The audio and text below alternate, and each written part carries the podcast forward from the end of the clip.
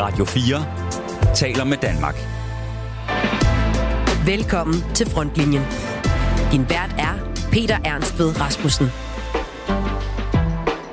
Lige nu øh, sidder han jo stadig i Danmark, øh, og vi venter på den her benprotese, og håber meget på, at vi kan nå at få styr på den, få bevillingen, få den udleveret, øh, få hele den proces sat i gang, inden man så effektuerer udsendelsen.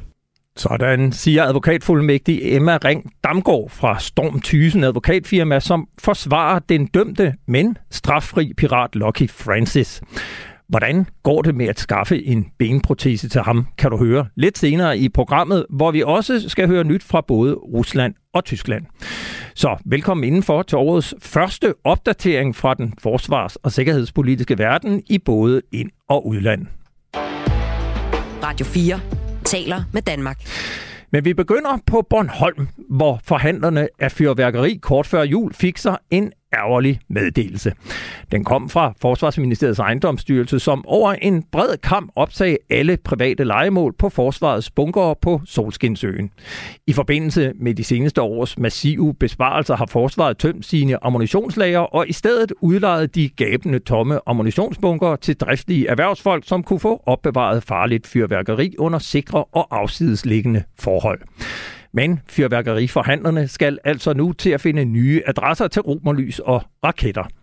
Forsvarsministeriets ejendomsstyrelse administrerer bare bunkerne. Opsigelsen kommer naturligvis derfor på baggrund af et ønske fra Forsvarskommandoen, og mere specifikt fra dig, Oberstløjtnant Ulrik Skytte. Velkommen til. Tak skal du have. Vi skal jo tale om bunkerne på Bornholm, men lad mig først lige spørge dig, hvorfor er du egentlig i København? Ja, ja jeg og øh, den resterende del af forsvarscheflag øh, blandt andet fik øh, lejlighed til at ønske majestæten godt nytår i går så, under nytårskuren, så det var en festlig lejlighed. Kan du ikke lige fortælle, hvordan foregår sådan noget rent praktisk?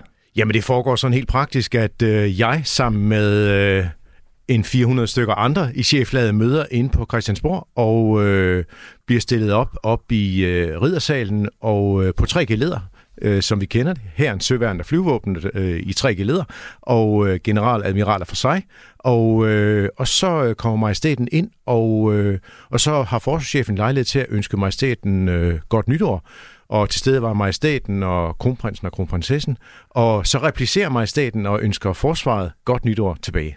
Og så, så holder hun jo sådan en lille tale. Hvad, hvad sagde hun til øh, forsvarsofficerer? Jamen, hun øh, ønskede godt nytår og anerkendte det og, øh, og satte pris på det, den betydelige arbejdsindsats, der er lagt i øh, under øh, den særlige situation, der har været efter Ruslands angreb på Ukraine 24. februar sidste år. Og øh, hun anerkendte, at alle havde været spændt hårdt for, og, øh, men alle havde løftet deres byrde uden at uden et kny, så det var hun meget stolt af og meget glad for. Således fik vi også lige rundet nytårskuren og forsvarets øh, besøg hos majestæten. Der, øh, tak for det. Vi skal tale om bunkerne på Bornholm. Øh, og, så, og jeg har jo inviteret dig, fordi at Forsvarskommandoen har bedt ejendomsstyrelsen om at opsige de private legemål på de her bunker. Hvorfor har man gjort det? Jamen helt grundlæggende så øh, har Ja, nu er vi tilbage til Ruslands angreb på Ukraine 24. februar sidste år, givet anledning til nogle refleksioner, i hvert fald hos os Bornholm og selvfølgelig også andre steder i forsvaret. Men hos os øh, begyndte vi at tænke over, at når ja, Bornholm er en ø, og når ja, Bornholm ligger ikke som det gør på et Skoda-atlas, altså op ved siden af Anholdt. Bornholm ligger halvvejs mellem øh, Ystad og Kaliningrad, og øh, vi har en særlig situation. Det betyder, at vi skal kunne klare os selv. Og det er ikke fordi, jeg siger, at øh, hverken Sovjetunionen eller Rusland øh, ruller ind over du øjet strand med kampvogne, men alligevel er vi nødt til i rammen af det, man kunne kalde rettidig omhul, at være klar til til hvad som helst. Og det betyder, at, at vi er nødt til at se på, hvad vi har, hvad vi har kapaciteter, både til opstilling af tredje skadron til opklaring, men også til at, lad os kalde det tyngde, forskyde vores, øh, vores opmagasinering i en krigssituation. Hvor mange bunker har forsvaret på Bornholm? Der er mange. Man skal huske, at øh, Bornholm under den kolde krig var, øh, var en, særlig, en særlig situation. Danmark var en frontlinjestat, og på Bornholm havde Bornholms værn ansvaret for forsvaret af Bornholm. Det var nærmest en lille brigade. Og for en altså flere tusind mand? Det var rigtig, rigtig meget. Det var lige præcis flere tusind mand. Så øh, med, med, med, med, med, med genindkaldte og, og stående styrke. Så, så i den situation, der skulle der selvfølgelig være utrolig meget ammunition, granater og alt muligt andet til rådighed. Det er jo ikke det, vi taler om, vi har brug for i dag. Vi er ikke tilbage til den situation, men vi har alligevel behov for noget mere plads. Øh, jeg kiggede i går sådan rundt på nettet og googlede bunker på Bornholm, og det var meget interessant, fordi der kommer mange historier og billeder frem af øh, nedlagte bunker, og, og der er lige frem øh, nærmest organiserede ture, hvor man kan komme ud og se den, nogle af de her bunker. Jeg er med på, at der er forskel på, om det er forladte bunker, eller om det så er bunker, der er udlejet til private formål. Men, men hvis du ser sådan generelt på de bunker, der er på Bornholm, hvilken stand er de i? Altså, det er en bred palette af bunker, der naturligvis bliver brugt nu. Det gør en del af dem nu. De er i ganske udmærket stand, øh, som så nogen skal være, efter forskrifterne og godkendte til, til, hvad der nu skal godkendes til. Så er der nogen, som har været udlånt til øh, akværdige formål, øh, som der nu er sagt op, og så er der nogen, der har stået tomme et stykke tid, faktisk mange år.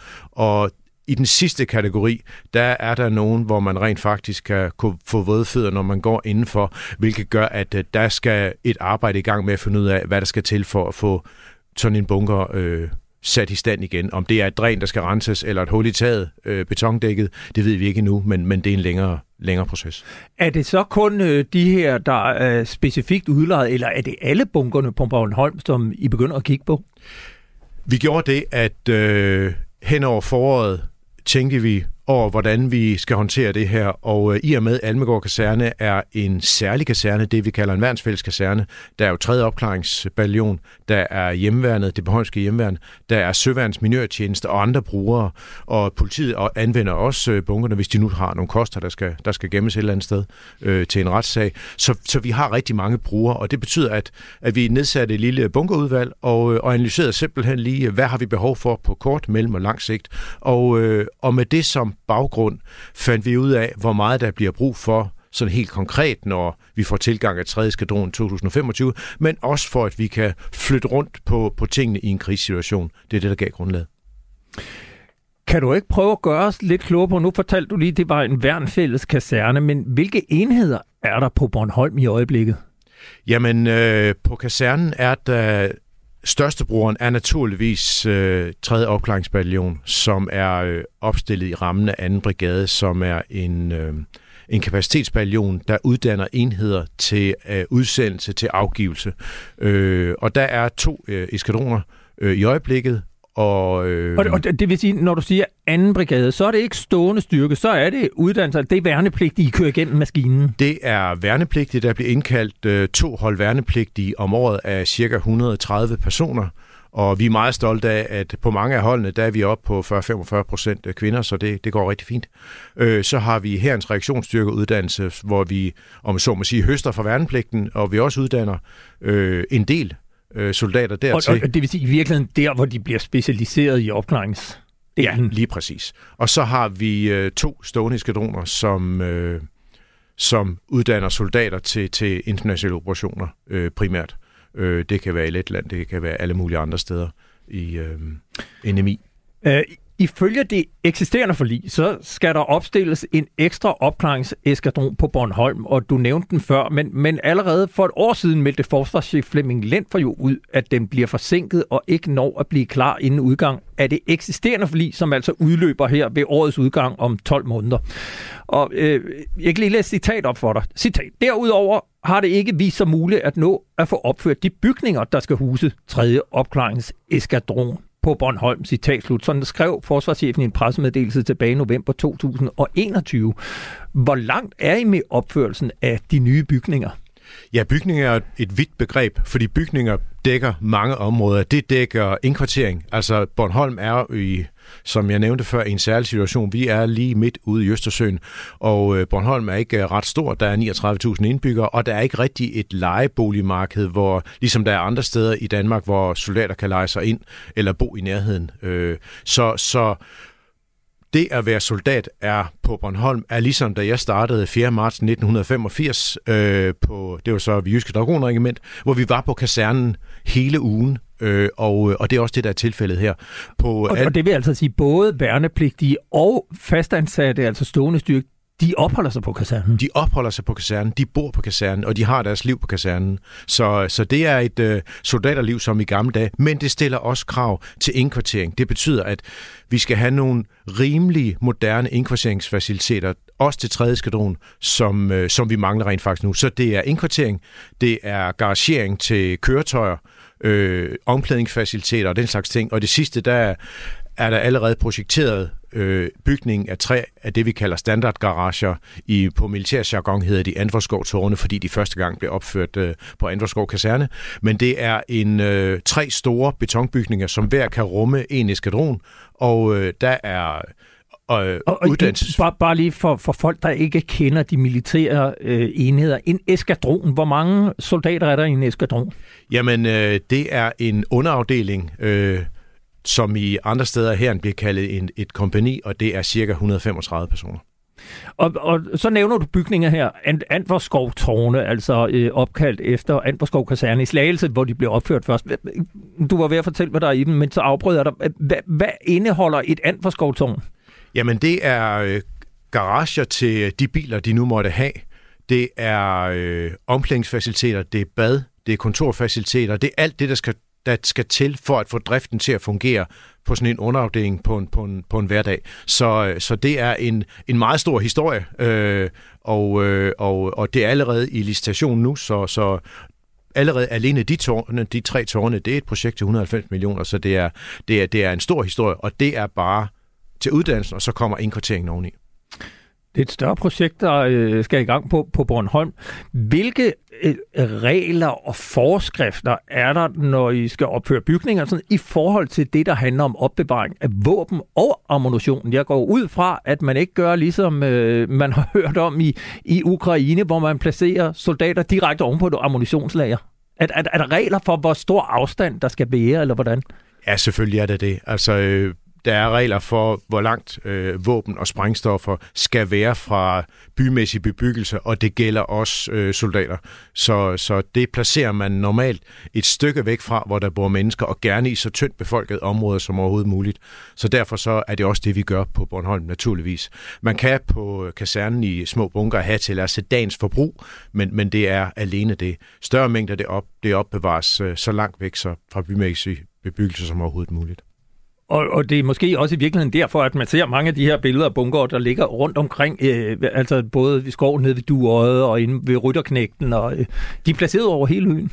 Ja, altså man placerer jo ikke kun på Bornholm, men alle mulige andre øh, steder, bunker, hvor de gør mindst skade, om man så må sige. Både øh, synsmæssigt, det er jo ikke nogen smuk bygning, men også at, øh, at hvis der skulle ske noget, det er jo ikke noget, øh, jeg kan huske i min tid i hvert fald, der er sket øh, et uheld, men, men, men, men alle eventualiteter skyld, så er man nødt til at passe på.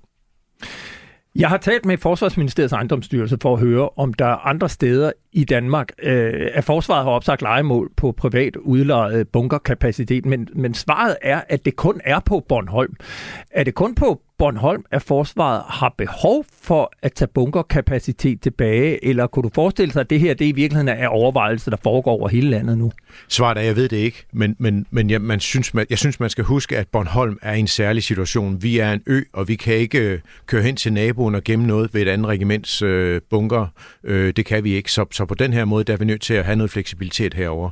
Øh, og hvad der kommer til at ske i et nyt forlig om om der skal med til at opmagasineres større mængder af ammunition, øh, øh, logistik, øh, sprængstoffer, granater. Det ved jeg ikke. Det kunne jeg forestille mig, men jeg ved det jo ikke. Jeg vil sige tusind tak, fordi øh, du kommer ind. Ulrik Skytte, oberstløjtnant og øh, garnisonskommandant på Almegårds kaserne på Bornholm. Tak for det. Radio 4 taler med Danmark. Nu skal vi videre til sagen om den etbenede pirat Lucky Francis, som kom til skade under en skudveksling med danske frømænd i Guinea-bugten tilbage i november 2021. Piraten sprang ved den lejlighed i vandet og fik sit ben i påhængsmotorens skrue, hvilket bevirkede, at læger ombord på fregatten Esbern Snare siden måtte amputere hans ben, fordi der var gået betændelse i såret. Fem pirater omkom i skudvekslingen, og tre andre blev taget til fange og varetægtsfængslet en absentia i tilbageholdelsesfaciliteterne på flæksdækket ombord på Esbern Snare.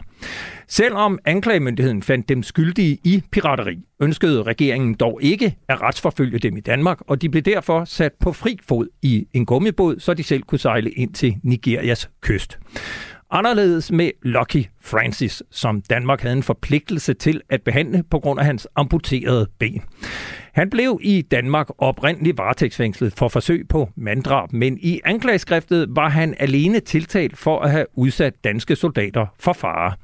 Den 28. november blev Lucky Francis dømt skyldig i Københavns byret, men han slap for straf, fordi hans medsammensvorene var sat på fri fod, og fordi han allerede havde siddet varetægtsfængslet i næsten et år og havde mistet sit ene ben. Da ankefristen udløb midt i regeringsdannelsen i december, valgte anklagemyndigheden ikke af ankedommen. Så hvad er der egentlig sket siden med Lucky Francis siden da? Det tog jeg i går ind til advokatfirmaet Storm Thysen i København for at blive klogere på. Her talte jeg med advokatfuldmægtig Emma Ring Damgaard, og jeg spurgte hende, hvad der er sket i sagen, siden dommen faldt. Siden da øh, kom han øh, retur til Vesterfængsel i første omgang, hvor han jo sad varetægtsfængslet øh, under sagen. Og så er han øh, efterfølgende blevet øh, overført til et øh, udrejsecenter, hvor han nu sidder på hjemrejseloven, og øh, så vil myndighederne have effektueret en udsendelse, og så sidder han der og, øh, og venter på, at den effektueres. Øh, status er pt, at vi afventer øh, en, øh, en bevilling til den her benprotese, og man bliver spurgt, om man vil medvirke til at blive øh, udsendt, øh, eller om man ikke vil det. Og øh, det vil han ikke lige nu, fordi vi venter på benprotesen. Men han blev, altså anklagemyndigheden ankede ikke dommen, og det vil sige, at den er endelig. Hvilken rolle spiller i som advokater nu, hvor sagen jo egentlig er afsluttet? Jamen, når man stadig sidder øh, frihedsberøvet på hjemrejseloven, som han gør, fordi de vil ikke løslade ham, fordi at han skal udsendes, og de er bange for, at øh, hvis man øh, løslod ham, at så vil han modsætte sig øh, udsendelsen, effektueringen af udsendelsen ved at rejse ud af landet eller gemme sig, eller, eller hvad ved jeg. Øhm, så har man stadig øh, fristforlængelser i forhold til, at man er øh, frihedsberøvet, man er fængslet, og øh, derfor har man også en advokat. Så på den måde er vi stadig tilknyttet ham. Og hvad er udsigten for øh, Lucky Francis nu? Jamen, øh, lige nu øh, sidder han jo stadig i Danmark, øh, og vi venter på den her benprotese, og håber meget på, at vi kan nå at få styr på den, få bevillingen, få den udleveret, øh, få hele den proces sat i gang, inden man så effektuerer udsendelsen.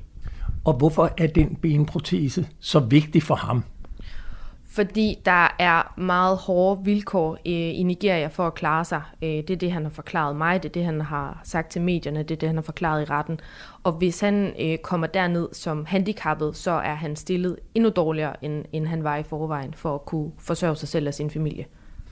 Og hvad siger han selv om sine overvejelser? Har han overvejet at søge asyl i Danmark, eller har han et, øh, et, øh, stort ønske om at komme tilbage til Nigeria?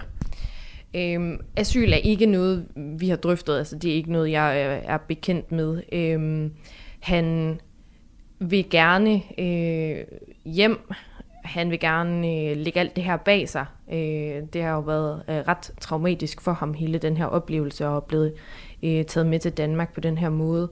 Så han vil egentlig gerne øh, ud af landet, er mit indtryk, men det dur ikke, inden han får den benprotese. Så det er afgørende. Og, og hvad er udsigten til, at han får en benprotese? Altså, vi har jo øh, været lidt et system øh, igennem øh, mange øh, myndigheder for at finde ud af, hvem der kunne bevillige øh, hvad kan man sige, det, det økonomiske for at kunne få den her benprotese. Og det har både været Kriminalforsorgen, og det har været øh, ministerierne, øh, det har været Københavns Kommune, og det har ligesom bare været sådan et cirkel rundt system. Altså vi er hele tiden blevet henvist til nogle andre, der er ikke rigtig nogen, der har vil øh, sige, jamen den her opgave påtager vi os, vi sørger for at sætte noget i gang. Øhm, og det har vi været ret uforstående over for, fordi i vores optik er det jo bare et spørgsmål om at få sat det i gang et eller andet sted. Øhm, jeg forestiller mig også, at der kan gå lidt tid med at få, øh, øh, lavet en protese. Jeg forestiller mig, at den skal specielt laves. Altså, jeg ved det ikke, men, men øh, der må være nogle ting, som ligesom skal customized til, til ham. Så, så der er nok også nogle praktiske ting, og jeg forstår ikke, hvorfor man ikke har sat det i gang noget før, og så ligesom afklaret endeligt, okay, hvor, hvor skal betalingen så falde i sidste ende. Øhm, nu virker det som om, at efter at han er overgået til hjemrejsestyrelsen, nu er det ligesom dem, der har ansvaret for ham øh, grundet hans placering, og at det er hjemrejsestyrelsen, øh, undskyld, øh, hjemrejseloven, han øh, sidder øh, frihedsberøvet på, så øh, virker det som om, at de ligesom har taget den øh, på sig, og det seneste, vi har hørt, og det er øh, i forgårs, øh, det er, at øh, Hjemrejsestyrelsen har rettet henvendelse til noget, der hedder Kontoret for indkvartering, undskyld, Indkvarteringsvilkår hos øh, Udlændingsstyrelsen, for at høre, om de vil øh, afholde udgiften, fordi som øh, Hjemrejsestyrelsen har øh, givet øh, udtryk for over for os, så er det altså dem, der, der sørger for hans øh, ja, forsørgelse øh, på de vilkår, han sidder på nu. Det kan jo virke besynderligt, at øh, man hellere vil have ham siddende i et hjemrejsecenter, end at give ham en øh, benprotese og komme afsted. Har du nogen idé om, hvad prisforskellen er? Hvad koster en benprotese, og hvad, hvad koster det at sidde i et hjemrejsecenter? Det har jeg ingen idé om. Øhm, men, men det undrer da også mig, øh, fordi han vil gerne hjem. Det virker som om, man gerne vil have effektueret den her udsendelse, og øh, det kunne man jo have gjort øh, med det samme dom blev afsagt, hvis man havde havde gjort øh, lidt benarbejde i forhold til, til benprotesen noget tidligere. Er der en risiko for, for Lucky Francis, at han bliver udsendt uden at få en benprotese? Altså, det, det er der jo reelt, fordi han øh, kan jo i sagens natur ikke øh, sidde her på, på hjemrejseloven, og det er det, han da heller ikke interesseret i men øh, vi gør absolut alt, hvad vi kan for, at det ikke bliver tilfældet. Hvorfor bliver han ikke bare sendt hjem med det samme, uden en benprotese? Hvorfor er det, man siger, nu sidder du her, og så finder vi ud af, hvad der skal ske? Altså, der er altid en masse praktiske ting forbundet med at effektuere en udsendelse. Der skal indhentes nogle øh, ting ved, ved de udenlandske myndigheder, altså Nigeria, hvor han kommer fra, i forhold til om øh, der skal være styr på rejsedokumenter, vil de modtage ham, så videre, så videre, sender man han ham ud til ordnede forhold. Øh, og øh, det, det går der altid noget tid med, uanset øh, om, om der er en benprotese involveret i, øh, i udsendelsen eller ej. Øhm, så, så der vil lige gå lidt tid, men man bliver spurgt, om man vil samtykke til det, eller om man modsætter sig det. Der har han modsat sig for nuværende. Og her til sidst, fortæl lige, hvordan har han det? Har du talt med ham om hans sådan sind, sindstilstand, og har han været i kontakt med sine pårørende i Nigeria og, og sådan de mere personlige forhold? Altså, jeg er øh, jævnlig i kontakt med ham, øhm, og har også nu bedre adgang til at, at tale med ham direkte.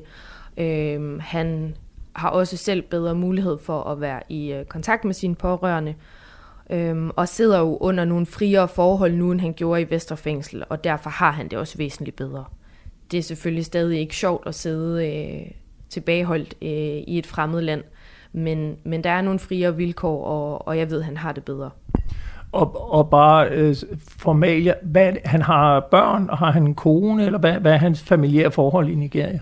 Øhm, jeg er faktisk lidt usikker på, på øh, ægteskabsstatus og så videre, men han har børn, øh, og øh, han har øh, en mor, og øh, et af hans øh, børn mistede jo faktisk livet i Nigeria, mens han har været fængslet i Danmark.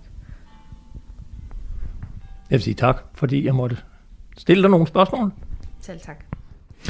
Ja, således altså Emma Ring Damgaard fra øh, Storm Thysen, advokatfirma om den etbenede pirat Lucky Francis. Radio 4 taler med Danmark. Hverken julen eller nytåret fik en midlertidig fred eller våbenhvile til at sænke sig over Ukraine. Både Rusland og Ukraine brugte helligdagene til at indlede massive angreb på hinanden, men mest overraskende var nok det angreb, som Ukraine kort efter midnat nytårsaften udsatte en tidligere skole i byen Makivka i det russisk besatte Donetsk for. På skolen befandt sig et russisk regiment af flere hundrede nyligt mobiliserede soldater, og de var inkvarteret ovenpå et russisk ammunitionslager. Angrebet har formentlig ført til de hidtil største russiske tab under krigen. Det kom få timer efter, at præsident Vladimir Putin holdt sin nytårstale, hvor han endnu en gang brugte sin taletid på russisk statstv til at skyde skylden for krigen i Ukraine på Vesten. Западные элиты годами лицемерно заверяли всех нас в своих мирных намерениях. В том числе по разрешению тяжелейшего конфликта. I årvis har hykleriske vestlige ledere forsikret os om deres fredelige hensigter.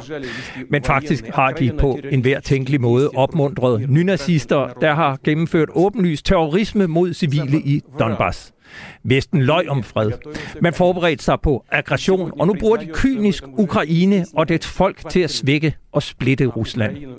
Det har vi aldrig tilladt, og vi vil aldrig tillade nogen at gøre det mod os. Sådan sagde præsident Putin, hvis helbred også nu fra helt officielt hold debatteres offentligt. Således skrev Berlingske dagen før nytårsaften, at Putin ifølge Forsvarets efterretningstjeneste modtog hormonbehandling i februar, og avisen citerede i den forbindelse den unavngivende chef for Rusland-analyse i Forsvarets efterretningstjeneste. Citat. Storhedsvanvid er en af de kendte sideeffekter af den type hormonbehandling, som han fik. Citat slut. Ukrainsk angreb ind i Donetsk. Putins nytårstale og hans skræntende henbred, som har ført til præsidentens storhedsvandhed, skal du alt sammen høre mere om nu. Min kollega Niklas Erbelodein ringede til Flemming Splidsbol, der er seniorforsker i udenrigspolitik og diplomati ved Dansk Institut for Internationale Studier, og indledte med at spørge ham, hvorfor det ukrainske angreb i Makivka var så opsigtsvækkende. Ja, vi kan starte med, at det, det jo, øh, har stor betydning, fordi det er jo meget voldsomt angreb. Øh, det kom lige efter midnat. Øh, vi var akkurat lige kommet ind i det nye år, øh, og så kom det her voldsomme angreb, som jo er øh, øh, det største russiske tab indtil videre, i hvert fald det største russiske tab, som de har erkendt. Øh, og på den baggrund, så er det stort. Det fylder meget også i, øh, i de russiske medier. Øh, og det har jo givet anledning til en del kritik øh, på nogle af de her halvåbne, halvlukkede øh, platforme, hvor militære bloggere de, øh, de mødes og kommer med deres vurderinger af, hvad der sker. Så på den baggrund er det, er det, øh, har det stor betydning og, og er meget bemærkelsesværdigt. Men vi ved om det, øh, jamen det var et øh, ukrainsk øh, angreb med øh, HIMARS, øh, altså de her langtrækkende avancerede artillerisystemer, som Ukrainer har leveret, fået leveret fra USA. Øh, der pågår en øh, diskussion internt i Rusland om, hvad det faktisk var, der var sket, eller hvad der var anledningen, årsagen, muligheden for det. Øh, og der bliver blandt andet peget på øh, meget omfattende brug af mobilnetværk. Øh, og der skal vi forestille os en, en masse øh, mobiliserede soldater, mange hundrede, som er samlet på det her sted, og hvoraf rigtig mange øh, beslutter at ringe til deres familie lige omkring øh, midnat, indgang til det nye år, øh, og det har muligvis udløst øh, den her alarm. Man har simpelthen kunnet øh, jagtage, hvor de har øh, befundet sig henne. Samtidig bliver der også talt om andre forhold. Øh, jeg har set russiske kilder tale om, at det var øh, forholdsvis åbent, at soldaterne var på den her skole, var det en erhvervsskole. Øh, folk i området vidste det godt, øh, og, og på den baggrund er det jo også oplagt, at der kan være nogen øh, i det ukrainske forsvar og ukrainske efterretningstjeneste, som har opsnappet det, og som har, øh, har kunnet øh, måske lede en del af det her angreb. Men, øh, men der pågår stadigvæk en, en diskussion internt i Rusland om, hvad der faktisk skete. Og du siger, at det, det, er, det, det er det største tab, som Rusland i, i, hvert, øh, i hvert fald selv, hvis du ved, øh, Rusland sagde oprindeligt, at det var 63 soldater, der blev øh, dræbt i angrebet. Det er så siden blevet opjusteret til 89, og hvis man spørger ukrainerne, så siger de, at det, det, det er 400 øh, russere, der, der omkom i det her angreb. Som altid er det jo med, med, med, med den her krig og informationerne, at, øh, at det er svært, hvor man skal lægge snittet. Men kan du alligevel sige lidt om det? Altså, hvem skal man mest lytte efter her? Er, det, er, er vi i nærheden af de 100 eller nærheden af de 400? Hvad tror du egentlig? Øh, jeg vil gætte på, at vi er betydeligt over det, som russerne siger. Det overraskede mig faktisk, at de, øh, at de justerede tallet igen. Øh, det kom jo sådan lidt drypvis, så sagde forsvarsministeriet 63, og der tænkte jeg egentlig, at nu låser de sig nok fast på det, og så forsøger de at komme videre.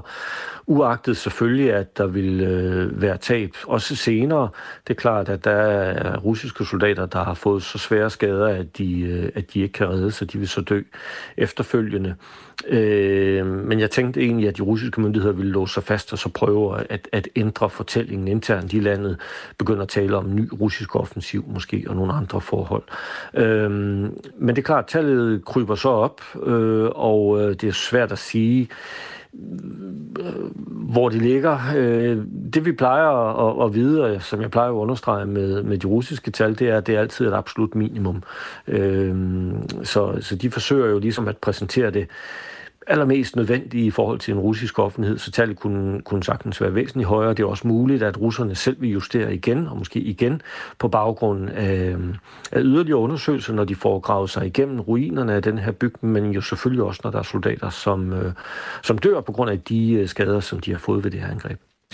Der er jo øh, sket en masse hen, øh, hen over øh, overgangen fra 2022 til 2023, der er værd at hæfte sig ved i forhold til, øh, til krigen i Ukraine. Blandt andet har Putin jo selvfølgelig holdt sin øh, nytårstale, som jeg ved, du også har øh, kigget med på.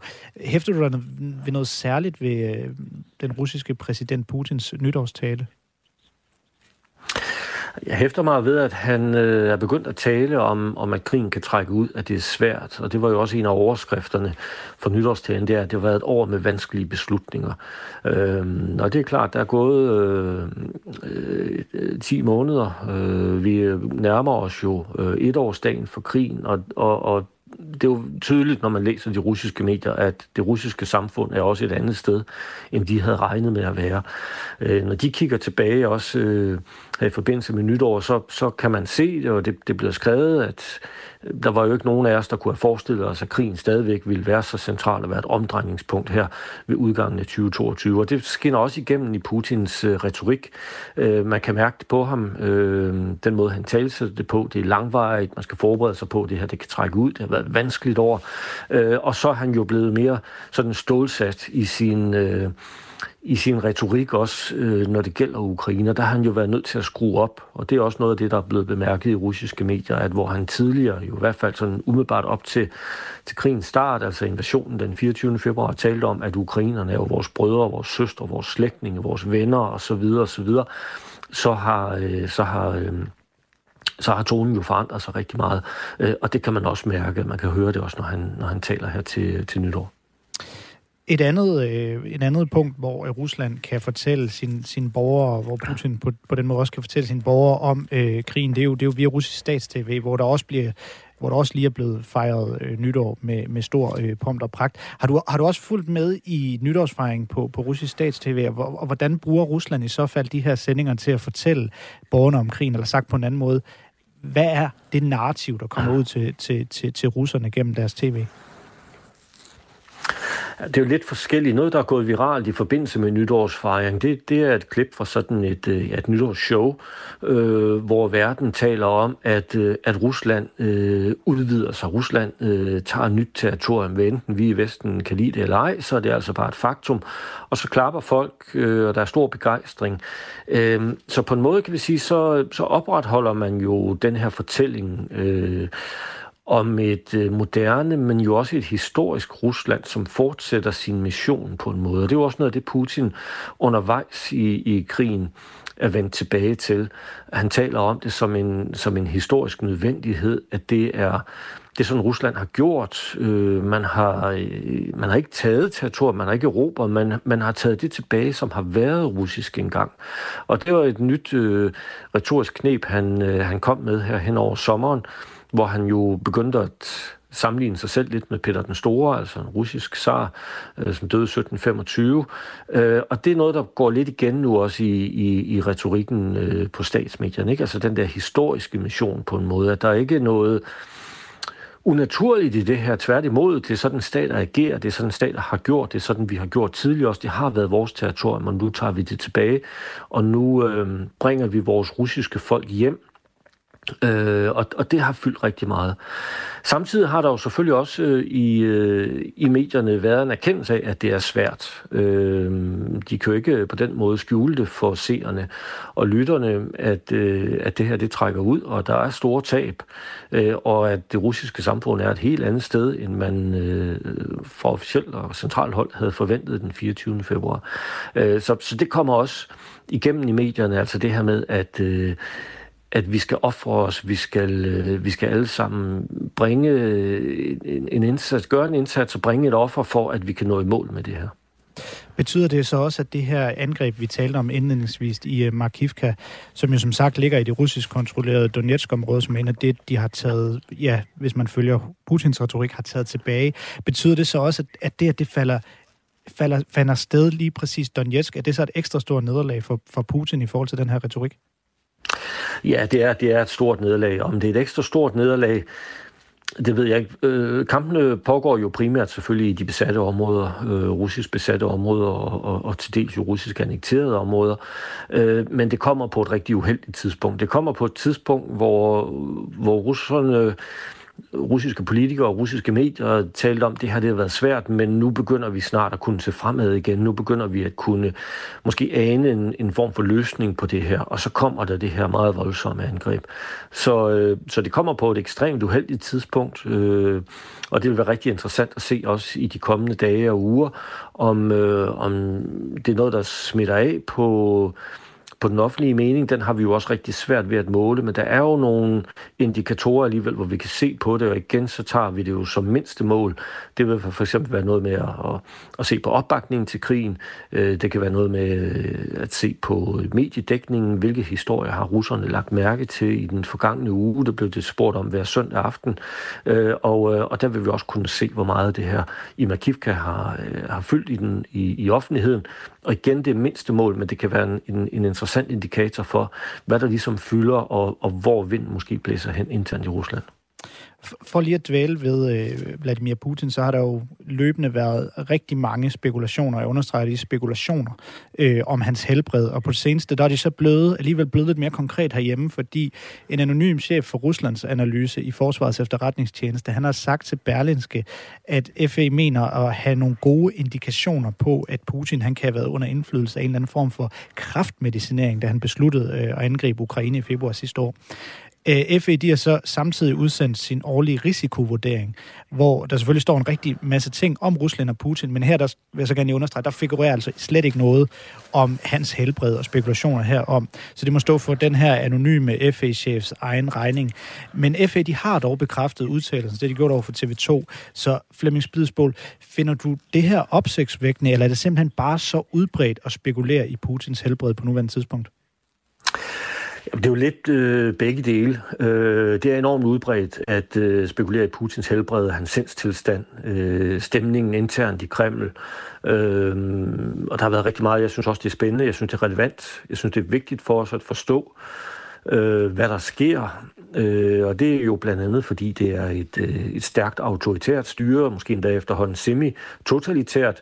Øh, vi ved, at øh, når beslutningen bliver truffet, det gælder også invasionen af Ukraine den 24. februar 2022, jamen, så bliver den truffet i en meget lille kreds. Øh, det samme har været tilfældet med andre store beslutninger, så det er vigtigt for os at forstå, hvordan stemningen er der, hvem der kan komme til Putin, hvordan han reagerer osv., så er det vigtigt for os også at forstå, hvis der også for eksempel internt i Rusland er forlydende om, at Putin er syg, jamen hvad betyder det så for, for den kreds, eller de kredse, der er rundt om Putin? Kan vi se, at der er nogen, der begynder at positionere sig i forhold til måske at overtage magten, eller gå ind og sætte et aftryk på forskellige måder? Så det er vigtigt for os at, at forstå, og det er meget relevant. Når det så er sagt, så er det, der kommer fra FE, jo nyt på den måde, at der er en efterretningstjeneste, en vestlig tjeneste, en dansk tjeneste her, der går ud og siger, at vi har stærke indikationer på, at Putin øh, er eller har været syg, og at han har været påvirket af medicin, da han træffede beslutningen. Øh, det er lidt uklart for mig stadigvæk, om den nyhed, der kommer fra FE, egentlig er den samme, som vi har hørt tidligere, helt tilbage til marts måned, øh, var der især britiske medier, som øh, refererede fra anonyme efterretningskredse og sagde, at Putin var påvirket af medicin. Øh, så det er uklart for mig, om det, er en, om det er en anden sygdom, og det er en anden medicinering, og om det måske er et andet adfærdsmønster, eller om det er den samme nyhed, som så bare er blevet præsenteret og, og, og ligesom bekræftet nu af FE. Men uanset hvad, så er det, øh, så er det øh, finder jeg bestemt meget interessant og også relevant for os at forstå, hvad der sker. Flemming Spidsborg, du var, du var tidligere inde på det her med opbakningen øh, til Putin internt i, øh, i Rusland, og så vil, det vil jeg gerne lige holde fast i i forhold til øh, den her risikovurdering fra FE. For noget, de trods alt skriver i den, det er, at det ifølge FE's vurdering er sandsynligt, at, at øh, Putin i hvert fald bliver forbliver Ruslands leder på det, de skriver er øh, kort til mellemlang sigt, men de skriver så også om det her med, at der kan jo øh, rundt omkring i Rusland eller der, der begynder at blive stillet lidt spørgsmål til nogle, til nogle forskellige ting, jeg tror jeg godt, jeg kan sammenfatte det som. Hvad, er, er du på linje med den her uh, vurdering fra FE med, at, at, at Putin sandsynligvis vil forblive Ruslands leder, i hvert fald på kort til mellemlang sigt?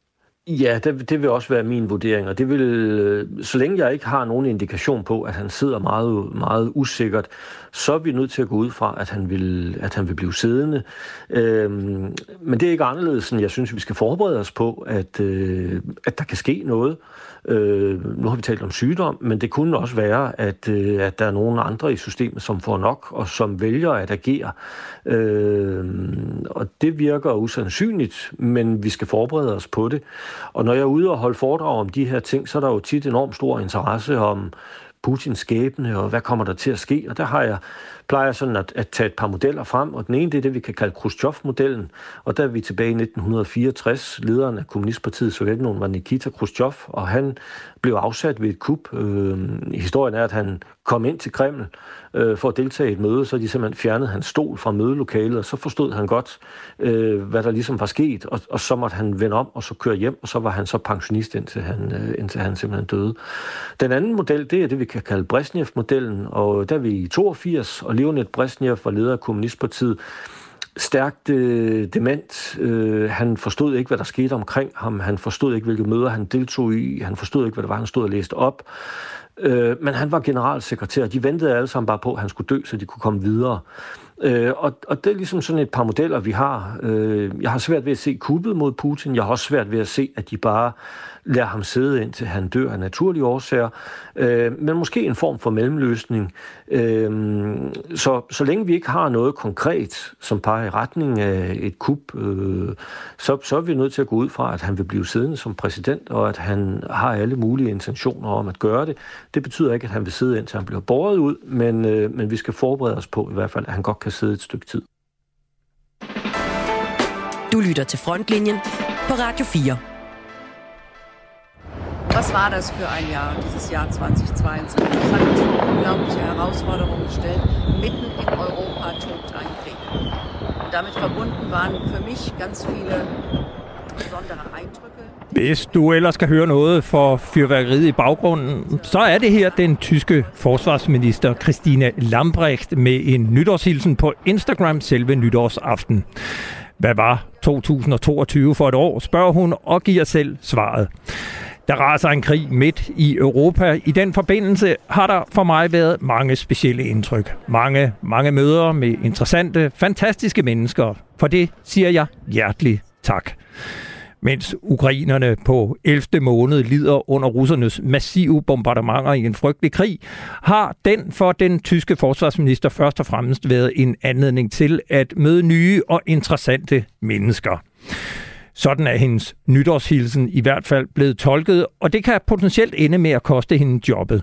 Nok ikke på grund af nytårshilsenen alene, men fordi hun i sine 13 måneder som forsvarsminister har opbygget en uheldig portefølje af møgsager.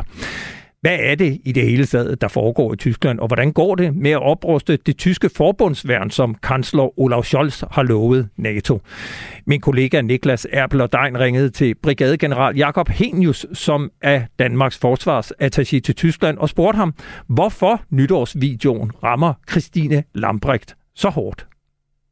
Det er sådan set ikke så meget de enkelte sager, som kan bære øh, særlig hård kritik, men det er summen af forskellige fadæser i tidens løb i, i det godt og vel et år, hun har siddet som forsvarsminister, og herunder altså det seneste, denne her øh, famøse nytårshilsen, som hun jo øh, øh, vælger at lave på åben gade midt under øh, nytårsaften med en masse larm i baggrunden og nytårskrudt, hvor i hun øh, øh refererer til krigen i Ukraine, men også sådan med meget øh, sådan, øh, øh, øh, personligt præg om, at det, har, det har, har, har gjort, at hun har kunnet møde en masse øh, spændende mennesker, øh, og ikke talt rigtig meget om det ukrainske folks lidelser. Så det har jeg den, den seneste, det seneste fejltrin, og det tegner samlet set et billede af, i hvert fald ifølge mange her i Tyskland, af en forsvarsminister med øh, svækkende dømmekraft. Så de her sager om forsvarsministeren eh, Christine Lambert, de håber sig op, siger du. Hvad, hvad er de andre sager, som den her så bare er en sag på toppen af? Ja, altså hvis vi, hvis vi tager sådan de mere alvorlige sager først, eller det hun er blevet kritiseret for, så er det blandt andet, at, at, at hun øh, efter Vangens mening har været for langsom til at komme i gang med at omsætte denne her 100 milliarder euro store front, øh, fond, som jo skal øh, styrke det tyske forsvar. Og øh, det, det kan man øh, argumentere for eller imod. Øh, der er ingen tvivl om, at der har været 25 år forud, hvor ingen har gjort ret meget, så det er ikke realistisk at forlange, at en forsvarsminister på under et år skal kunne øh, øh, ændre, ændre retningen for den her supertanker. Men der er nok nogle områder, hvor det kunne have gået stærkere, for eksempel med at få bestilt noget mere ammunition og sådan noget. Så har der været en anden sag for ganske nylig lige før jul, hvor øh, øh, stort set alle øh, de nye infanterikampkøretøjer, som øh, Tyskland øh, skal indsætte i øh, denne her øh, særlige NATO-forpligtelse, de har overtaget 1. januar, der hedder VJTF, de viser sig øh, ikke at fungere under den afsluttende certificeringsøvelse. Det har hun også fået meget kritik for, ikke at have reageret tidligere på det, og nu må man så indsætte øh, nogle meget forældede køretøjstyper i stedet for. Så er der sådan i den mere kuriøse afdeling, at hun tidligere på året øh, er blevet øh, taget i at have øh, taget sin søn med på nogle tjenestlige flyvninger i forbundsværendets helikopter, og herunder blandt andet også en gang øh, på en tur, som ikke kun var et tjenestligt besøg, men som også endte på en eller anden feriedestination på en, en, en, en tysk øh, Nordsøø. Så øh, der har altså været en hel del, en hel del ting, nu har jeg bare nævnt nogle få, men øh, som samlet set øh, tegner et billede af en, en minister, der ikke har så god dømmekraft. Hvor udbredt er den her øh, kritik af øh, Christine Lambrecht? Er det dit indtryk? Altså, øh, er, er vi der, hvor der øh, i Tyskland simpelthen bliver spekuleret i, om hun skal gå af eller decideret fyres? Ja, der bliver helt klart spekuleret i det. Hun er helt klart den mest kritiserede af alle ministre. Det er der i sig selv ikke øh, så meget øh, underligt i. Altså historisk set, så har tyske forsvarsministre altid haft det vanskeligt, eller de fleste har i hvert fald, og fyringer af tyske forsvarsministre eller udskiftninger er, er også tit forekommet. Det er, det er et svært embede at sidde i af mange grunde, øh, så derved adskiller hun sig ikke. Men i øjeblikket er, er hun under meget, meget hård kritik, og der er et stigende pres på kansler Scholz for at få hende skiftet ud. I forvejen har Scholz, og det hører også med til historien, gennem længere tid stort set øh, øh, overtaget øh, væsentlige dele af forsvarspolitikken. Den kører han sådan set personligt, eller kansler, min, kansleramt, som det hedder, kører den selv, og ikke forsvarsministeriet. Det er der også andre grunde til, i og med at hele forsvarspolitikken jo har fået en ekstrem høj betydning det sidste år efter det russiske angreb på Ukraine. Så der er ikke noget underligt i, at kansleren også selv tager affære, men han tager altså mere affære, øh, end han måske ellers havde behøvet på grund af øh, Lambrechts svage position. Så der er et stigende pres på ham øh, for at udskifte hende, og jeg vil ikke være overrasket, hvis det sker snart. Hvis vi så øh, venter og ser, og øh, dermed parkerer øh, forsvarsministeren, altså Christine Lambrecht, fra øh, det socialdemokratiske tyske øh, parti, og så kigger sådan lidt mere overordnet på øh, Tyskland, og øh, især i, i forhold til krigen i Ukraine, så har der jo været øh, rigtig meget, øh, rigtig meget, som du også lidt er inde på, diskussion vedrørende de tyske donationer til Ukraine, særligt øh, de her Leopard 2 øh, kampvogne. Hvad, hvad er egentlig status øh, på, øh, på, på dem og de tyske øh, donationer til øh, Ukraine sådan generelt? Jamen, status nu er, at Tyskland øh, efter en lidt øh, langsom start øh, har leveret rigtig, rigtig meget, og øh, i hvert fald vi taler øh, øh, og, og, og mellem 2 og 3 milliarder, altså til en værdi af 2-3 milliarder euro, i, i, alene i materiel, øh, men også øh, derudover finansielle øh, indsprøjtninger direkte til den ukrainske regering, som de kan købe direkte ved den tyske forsvarsindustri for.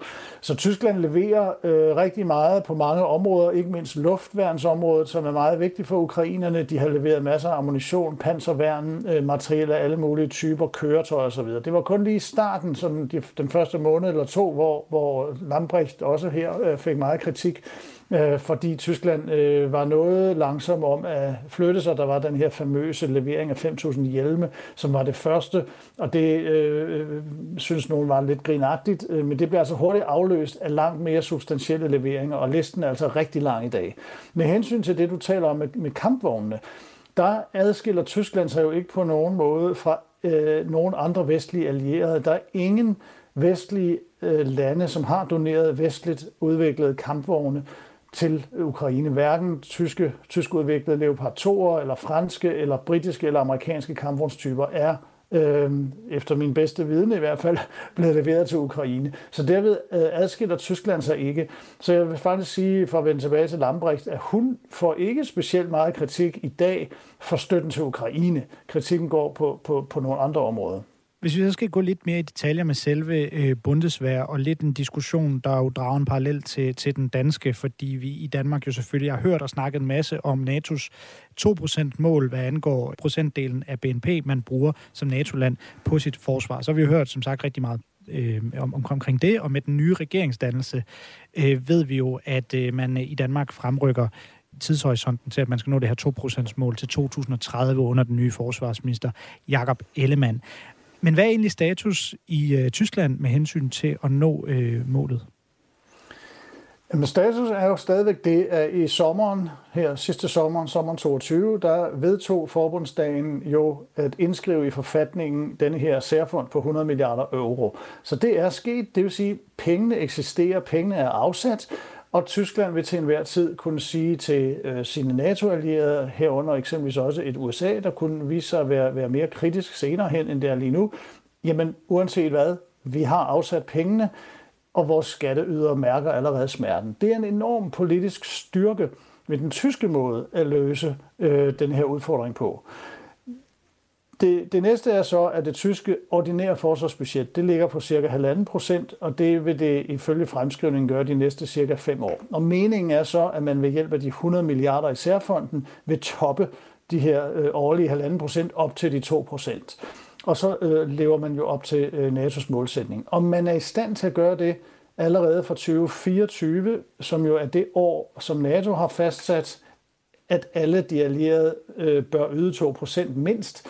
Det er et åbent spørgsmål, fordi Tyskland er jo løbet ind i den udfordring, som, som mange andre lande også er, nemlig det kan godt være, at vi gerne vil bruge pengene, men der er ikke nok at købe, eller det tager for lang tid at få det, som vi gerne vil købe.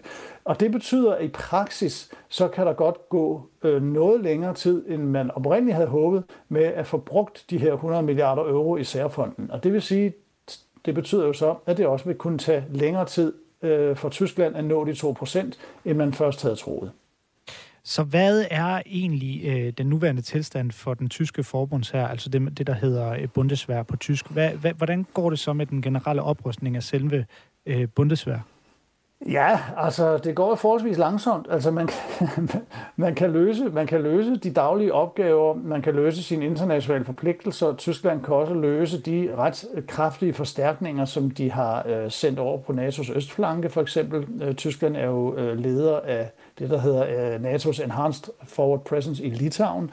Øh, der har man boostet det væsentligt op, og man er reddet til at kunne booste det yderligere op øh, med et givet beredskab. Tyskland har committet sig også væsentligt fra 2025 til, til det, der hedder NATO's New Force Model osv. Men, øhm, men hvis man sådan skal sige, det, det, det, det er ligesom øh, spydspidserne af forbundsværnet, som kan løse de opgaver. Hvis man skulle mobilisere hele forbundsværnet, øh, med de øh, 184.000 mand, som man har i øjeblikket. Man, man burde egentlig have 204.000, men hvis man skulle øh, mobilisere hele den operative del af forbundsverdenen, så vil man, det vil man simpelthen ikke være i stand til lige nu. Øh, men, men det tror jeg heller ikke, der er ret mange andre NATO-lande, der er. Ja, sådan sagde altså den danske brigadegeneral og forsvarsattaché ved den danske ambassade i Berlin, Jakob Henius. Og så kan jeg i øvrigt tilføje, at hvis man har lyst til at høre mere om den tyske forsvarsminister og kritikken af hende i Tyskland, så kan man lytte til Tysklandsprogrammet Genau fra tirsdag her på Radio 4. Det kan du finde på Radio 4's hjemmeside i Radio 4's app eller på diverse podcast-tjenester. Radio 4 taler med Danmark.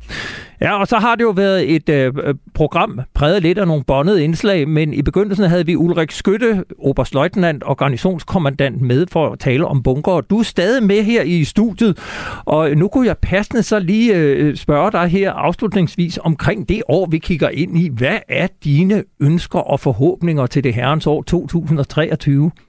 Ja, man kan have nogle drømme, som er mere eller mindre realistiske. Jeg drømmer om fred i Europa, men det er nok ikke særlig realistisk. Så min forventning er, at øh, 2023, ud fra et Bornholms perspektiv, er, at vi går ind i det som øh, den situation, vi er nu, og det er nok den nye normal. Så forventningen er, at øh, krisebevidstheden er på plads øh, hos, øh, på kasernen, hos det Bornholmske hjemværn, og på tværs af sektorerne, så vi hver især gør det bedste, vi kan på at forberede os på en godt nok utænkelig situation, men den værst tænkelige situation.